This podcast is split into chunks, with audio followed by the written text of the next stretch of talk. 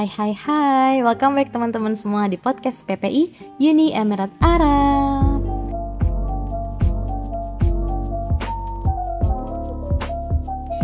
Seneng banget akhirnya setelah satu tahun aku nggak ngisi podcast PPI Bener-bener setahun yang lalu ya guys.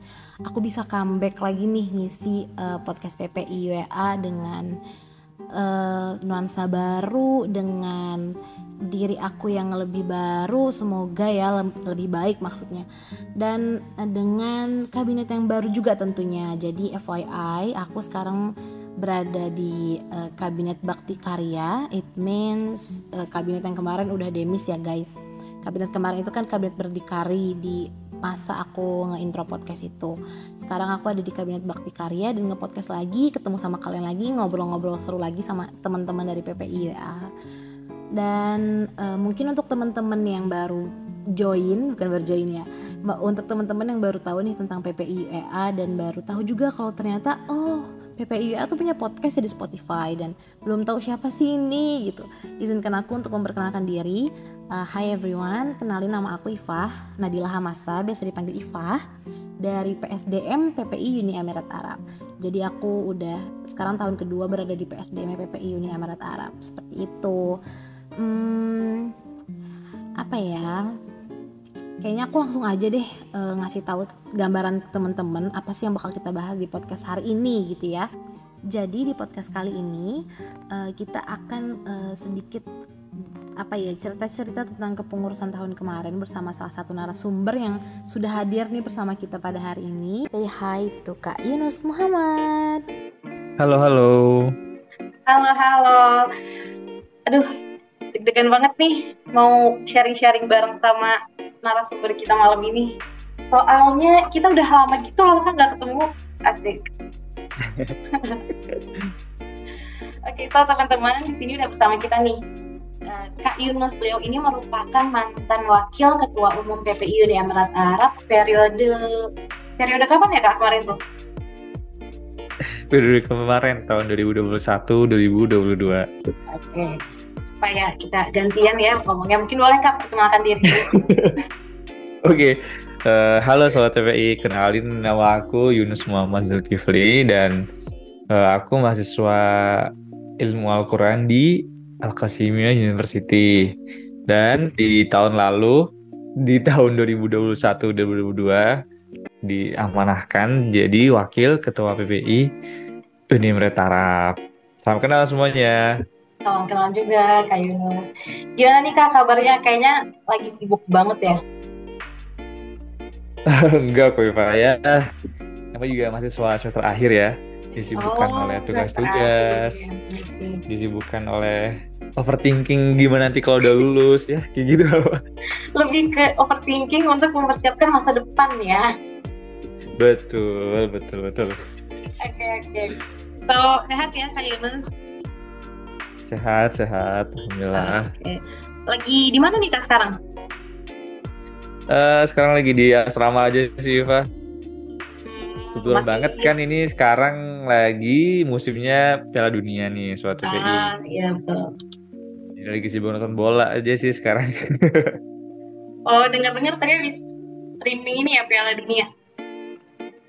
Iya jadi teman-teman di asrama Putra di Universitas aku itu lagi nonton bareng gitu. Jadi kita rame-rame nonton sepak bola. Tapi kan eh kalau Piala Dunia tuh dia yang malam ini tuh cuman ininya doang kan ya kak? Openingnya doang gitu.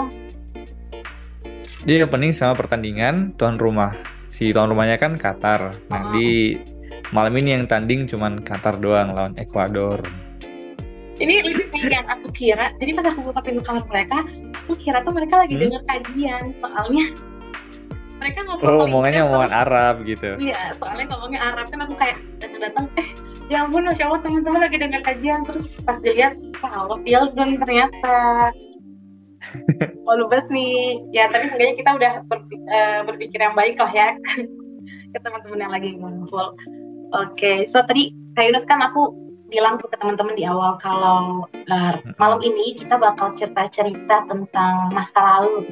Kayak kita mau mengulang nih kejadian-kejadian yang pernah terjadi di masa lalu. Aduh Gimana nih Flashback ya kita ya.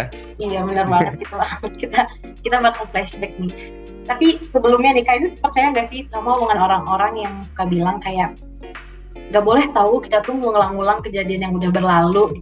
Kayak pamali nah pandangan kak Yunus gimana nih tentang hal ini? Kalau menurutku ya hmm. apa pun yang udah terjadi baik buruknya itu ya harusnya itu membuat diri kita jadi jauh lebih baik kayak gitu sih lah apa yang terjadi? Kan kita nggak mungkin nggak salah ya jadi orangnya jadi ya yang dulu-dulu diceritain bukan untuk dipamerin atau buat untuk disesalin. Maksudnya kayak aduh tau gitu dulu gue mendingan kayak gini-gini. Tapi harusnya kalau gue dulu kayak gini gue sekarang harusnya bisa lebih kayak gini nih. Nah, ya, orangnya ini inovatif banget sih aku sih. Benar-benar tapi aku juga salah. Eh, kita satu tim berarti. Aku juga yang orang yang ngerasa nggak ada salahnya sih kita ngulang-ngulang mengingat kejadian yang dulu karena kan dari mengingat itu kita bisa jadi ngambil poin-poin nih apa yang harus dibenerin dari hal yang fail di masa oh, lalu gitu kan oke okay. kan aku juga kebetulan jadi teman-teman FYI karena aku kemarin ada di PPI jadi aku tuh secara mm-hmm. langsung adalah anaknya Kayunus nih Kayunus sama Kak gitu ya terus okay. PSDM ini kebetulan uh, di bawah komando di bawah komando gitu di bawah uh, kontrolnya Kak, Yunus nih teman-teman. Terus aku kalau nginget-nginget ke tahun 2021 kemarin itu ngerasa sih kayak PSDM nih disupport banget sama Kak Yunus. Apalagi dari segi pengembangan pengembangan orang dalam ya. Kayak perorangan tuh dapat banget lah uh, improvement selama satu tahun gitu. Uh, untuk kepengurusan tahun kemarin. Hmm, hmm Apa sih kak? Hal-hal yang menurut kakak tuh kayak lucu gitu kayak unexpected banget. Jadi kan soalnya kayak di sini kan kemarin sempat interview teman-teman untuk uh, calon kepengurusan tahun lalu kan. Terus hmm. kayak hal-hal yang unexpected kayak pas wawancara kayak gini ternyata pas udah uh, bareng-bareng ini udah jadi satu uh, satu naungan yang sama oh ternyata dia kayak gini. Tapi lucu gitu bukan kesel kemar tapi kayak ih lucu banget gitu. Ada nggak sih? Pas udah lucunya banget ya? Mm. cuman uh, gimana ya? Lebih ke teman-teman itu menurutku di ketika mereka wawancara itu terlalu template. Hmm. jadi emang agak susah ya buat nyeleksi teman-teman pengurusan kemarin jujur. Cuman kebanyakan yang gue pilih itu karena mereka berusaha bukan berusaha ya, terlihat meyakinkan gitu ketika diwawancara. Jawaban-jawaban mereka itu meyakinkan gitu. Ada yang setengah-setengah yang terlihat hanya pengen cobain aja gitu nah ternyata dari beberapa orang yang pakai jawaban-jawaban template itu Contohnya nih jawaban template, kamu cari apa di PPI? Cari pengalaman. Nah, itu kan jawaban template banget ya. Iya benar. Ternyata orang-orang itu yang jawab jawab kayak gitu justru mereka yang benar-benar berusaha mendobrak ya, uh. mendobrak uh, program-program reguler atau program-program kerja di PPI UAE kepengurusan kemarin gitu. Kualitas teman-teman emang satu jawabannya template, dua ada yang bener-bener dia ngejualnya gini uh, aku dulu pernah di organisasi lain dan di divisi ini kak. Nah jadi itu kan dia menjual pengalaman ya. Terlihat ada ada uh, profesional gitu loh kelihatan. Terus aku kan juga nanya uh, organisasi dan apa kuliah menurutmu persentasenya berapa per berapa? gitu nah mereka rata-rata emang jawabannya pinter untuk mengelola waktu dan manajemen uh, kesibukannya gitu loh Fah. Rata-rata 60-40 jadi menurutku oke okay sih ini mereka udah kebayang gimana kehidupan di PPI oke okay. uh, eh, terus kalau menurut kakak nih yang udah eh tadi kakak udah berapa tahun deh ikut uh, eh, PPI gabung PPI PPI UA. di Oke, ikut PPI UA itu udah udah dua periode ya. Sebelumnya periode 2020 2021 waktu itu diamanahkan menjadi ketua divisi kegiatan. Atau sekarang udah ganti jadi PSDM. Nah, baru di periode selanjutnya tadi itu jadi wakil. Oke, berarti dua tahun. Ya, dua tahun udah lumayan lah ya. Berarti pengalamannya kan 365 hari kali dua lah. udah cukup. Waduh. Dimension banget nih udah cukupnya. Pakai tanda seru gak sih kak? Udah cukup gitu. Soalnya kalau nambah setahun lagi, aduh udah kayak SMP, udah kayak SMA tuh dapat jasa. Eh, iya, sumpah aku gak kepikiran lah. Bener. bener-bener oke terus uh, kan ya berarti secara pengalaman udah banyak lah ya di PPI kalau menurut kakak nih dari tadi nih yang kakak bilang kan orang-orang tuh kalau diwawancara jawabannya template semua gitu ya basic banget lah hmm. jawabannya kalau menurut kakak eh, jawaban apa ya jawaban-jawaban apa yang gak basic tapi bisa meyakinkan uh, si orang yang bakal mewawancarai ini kakak ada nggak versi jawaban kakak sendiri gitu misalnya nih aku sekarang lagi nge-interview kakak kayak apa alasan kamu hmm. masuk organisasi ini atau alasan kamu masuk uh, daftar ke company ini gitu. oke okay. ini jawaban aku pas aku hmm, di interview waktu daftar ke organisasi radio PPI Dunia ya? Hmm. yang pertama itu kita ngejual diri. Maksudnya ngejual diri itu ngejual potensi kita. Aku bilang uh, saya memiliki punya bakat. Saya saya memiliki bakat di public speaking dan uh, mengkoordinir atau apa ya? Mengkondisikan suasana. Jadi uh, bisa mendapatkan pendengar yang cukup banyak. Itu kelebihan kita. Terus yang kedua saya ingin meningkatkan kualitas public speaking saya saya ingin uh, memiliki keahlian lebih dalam uh, berbicara berbicara terutama menjadi seorang penyiar karena ada teknik dan keahlian khusus untuk menjadi penyiar. Nah, oh. jadi infonya dua sih, Pak. Pertama ngejual potensi, yang kedua dikasih tahu apa tujuan dan apa yang sebenarnya dia pengen dapetin di organisasi itu. Benar sih, biar dapat first impression gitu nggak sih kita dari lawan bicaranya? Iya, benar. Tapi harus benar-benar mengelola kas apa uh, pilih-pilih kata ya diksinya harus benar-benar dipilih-pilih soalnya kadang nih yang di poin pertama yang kita nunjukin kualitas kita itu ada yang over gitu pak jadi kelihatannya kedengarannya malah ih kok nih tenggil banget nih bocah nih malah pamer nih iya udah jadi malah jadi kayak pamer gitu ya Iya, jadi ngerti batasan-batasan menjualnya itu nggak usah terlalu over gitu. Ngerti lah, iya. secukupnya aja. Kayak ya, lo kan baru mau daftar nih ya. Uh, seenggaknya nggak, walaupun udah tinggi banget, pernah dikit lah gitu. Benar, benar, benar.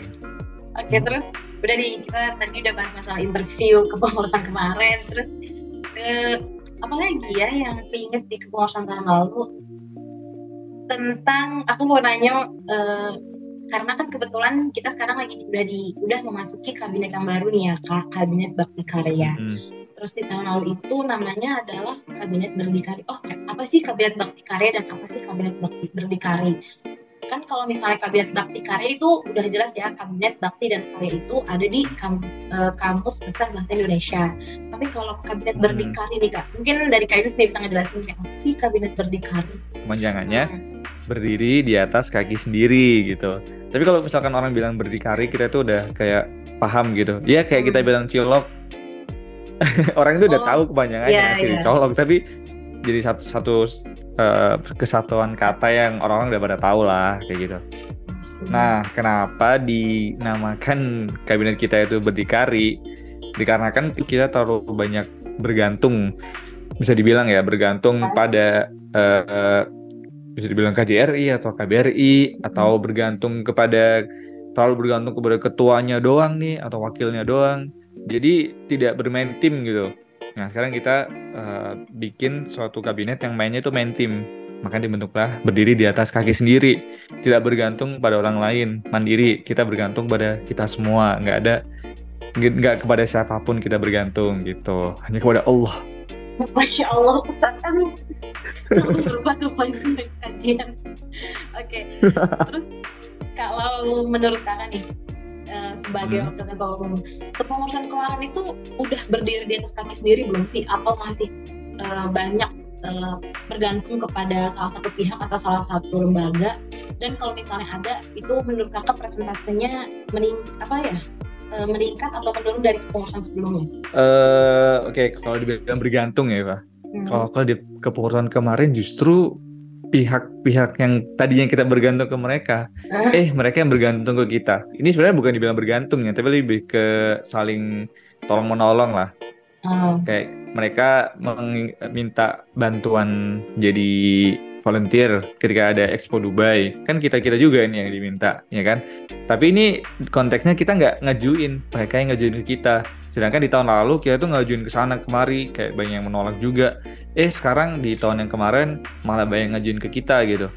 Jadi jatuhnya kita emang bener-bener kalau persentase bergantung kepada instansi lain 80-20 lah. Iya, iya. Aku juga merasa gitu sih kemarin. Aku merasa pertama dari divisi aku sendiri, aku juga merasa apa ya, um, dari ketua aku dan teman-teman sekitar, juga mungkin dari teman-teman dari divisi lain tuh mandiri-mandiri gitu loh. Anaknya sangat inovatif dan kreatif. setuju, Iya. setuju. Kalau itu aku Iya, setuju. Terus Sama? di acara mengabdi kemarin. Nah, ini FAE teman-teman jadi PPIWA tuh punya program besar baru perdana banget nih kemarin diadain dan dana yang sebenarnya agak ngeri-ngeri sedap juga sih ngejalaninnya. Bener, bener, bener.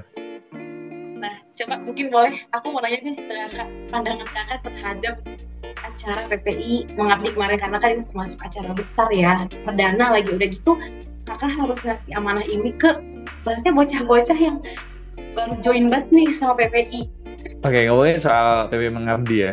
Jujur di awal di inisiasinya program ini aku tuh udah kayak yakin kita udah bisa.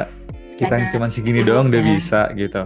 Udah pesimis banget, jus- jujur pesimis banget karena pengalaman di eh, acara-acara sebelumnya yang kita itu butuh duit itu sering ngepres banget biayanya apalagi ini butuh duit yang gede banget gitu angkanya sampai 60 juta aduh kayaknya kalau aku yang jadi penanggung jawab bakal angkat tangan sih nggak mampu sih aku Eh, tapi di sisi lain si ketua tahun lalu benar-benar optimis gitu dan dia juga all out buat eh, memberhasilkan acara ini Iya betul banget sih. alhamdulillahnya juga diamanahkan ke orang yang juga all out gitu.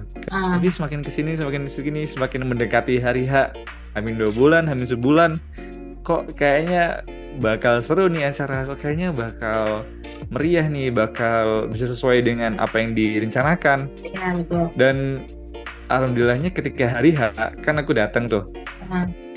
Eh, emang acaranya itu bener-bener seru satu yang kedua bener-bener kalau menurutku ya itu kalau di rate ya 9,5 per 10 dari apa yang direncanakan Aduh. ya missnya digede-gede doang aku tahu ya Eva ya soalnya speechless banget. Menurutku eh, buat acara di satu nih di tempat orang. Hmm, dua kita harus nyi- nyiapin dana tenaga dan lain-lain.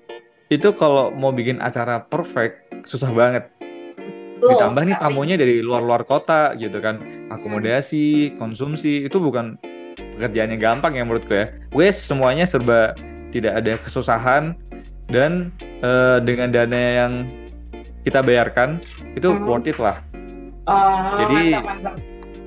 benar gak sia-sia lah itu perjalanan dari Malang ke Bogor untuk mengikuti PP Mengabdi menurutku emang keren. PP Mengabdi kemarin gokil sih respect benar-benar buat benar. semua panitia PP Mengabdi tahun lalu Tepuk- tangan, tepuk tangan apa? soalnya juga aku ngeliat si teman-teman panitianya ini kompak gitu Fa di acaranya ya di dua hari tiga hari itu mereka saling mengisi kekurangan satu sama lain terus kita ada kerja bakti kan biasanya malas-malasan ini bocah-bocah pada semangat Aduh, menurutku ya. itu eh, ya keseruan yang tidak bisa digambarkan lah Aduh iya sumpah emang tepuk tangan dulu buat teman-teman yang udah eh, bantu acara mengabdi kabinet eh, berdikari kemarin. Thank you banget. keren keren Oke. keren pasti Nah. semua peserta yang join karena kemarin yang eh, mengapresiasi acara itu kan bukan kita sebagai peserta doang tapi warga desa juga mengapresiasi terus juga teman-teman yang tidak hadir ya juga ikut Hmm. mengapresiasi dan mungkin tanpa kita ketahui KJRI KBRI pun mengapresiasi acara sosial yang udah kita lakukan kemarin itu Iya.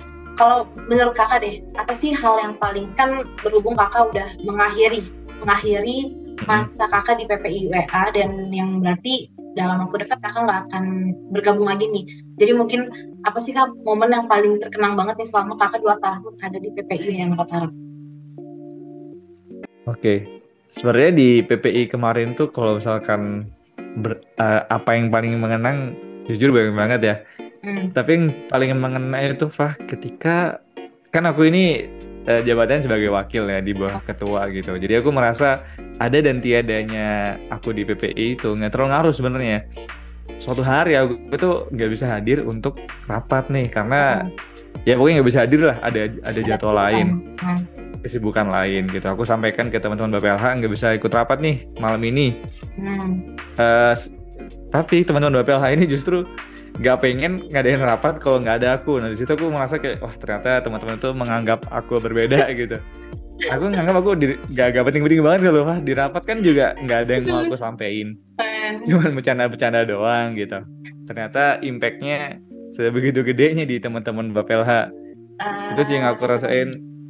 Oh ternyata teman-teman uh, apa ya menghargai atau apa ya merasa kalau nggak ada aku itu kurang gitu. Oh kurang ya. Tapi berarti um, yang paling dikenang di Kepulauan Tortuan adalah di saat Yunus tuh merasa lagi baper lah bahasanya baper merasa kayak duh kayaknya gue gak penting-penting banget deh gitu kan tapi ternyata malah Kak Yunus tuh juga ditunggu gitu perannya sama teman-teman BPLH dan teman-teman pengurus bener nggak? Bener banget. Jadi kayak kita bilang apa ya uh, untuk ke pengurusan kemarin itu semua itu benar-benar saling melengkapi nih teman-teman dari ketua, wakil, terus bendahara, sekretaris sampai ke bawah sampai aku nih yang cuma pengurus biasa itu merasa juga uh, apa ya benar-benar saling melengkapi. Sebenarnya ya kayak aku tuh mau masih mau cerita-cerita lagi sama kakak tentang kepengurusan tahun kemarin. Sayang banget kita harus mengakhiri kayak gitu ceritanya. Ya. dong. Makasih banget Kak Ino, selamat istirahat dan sukses selalu.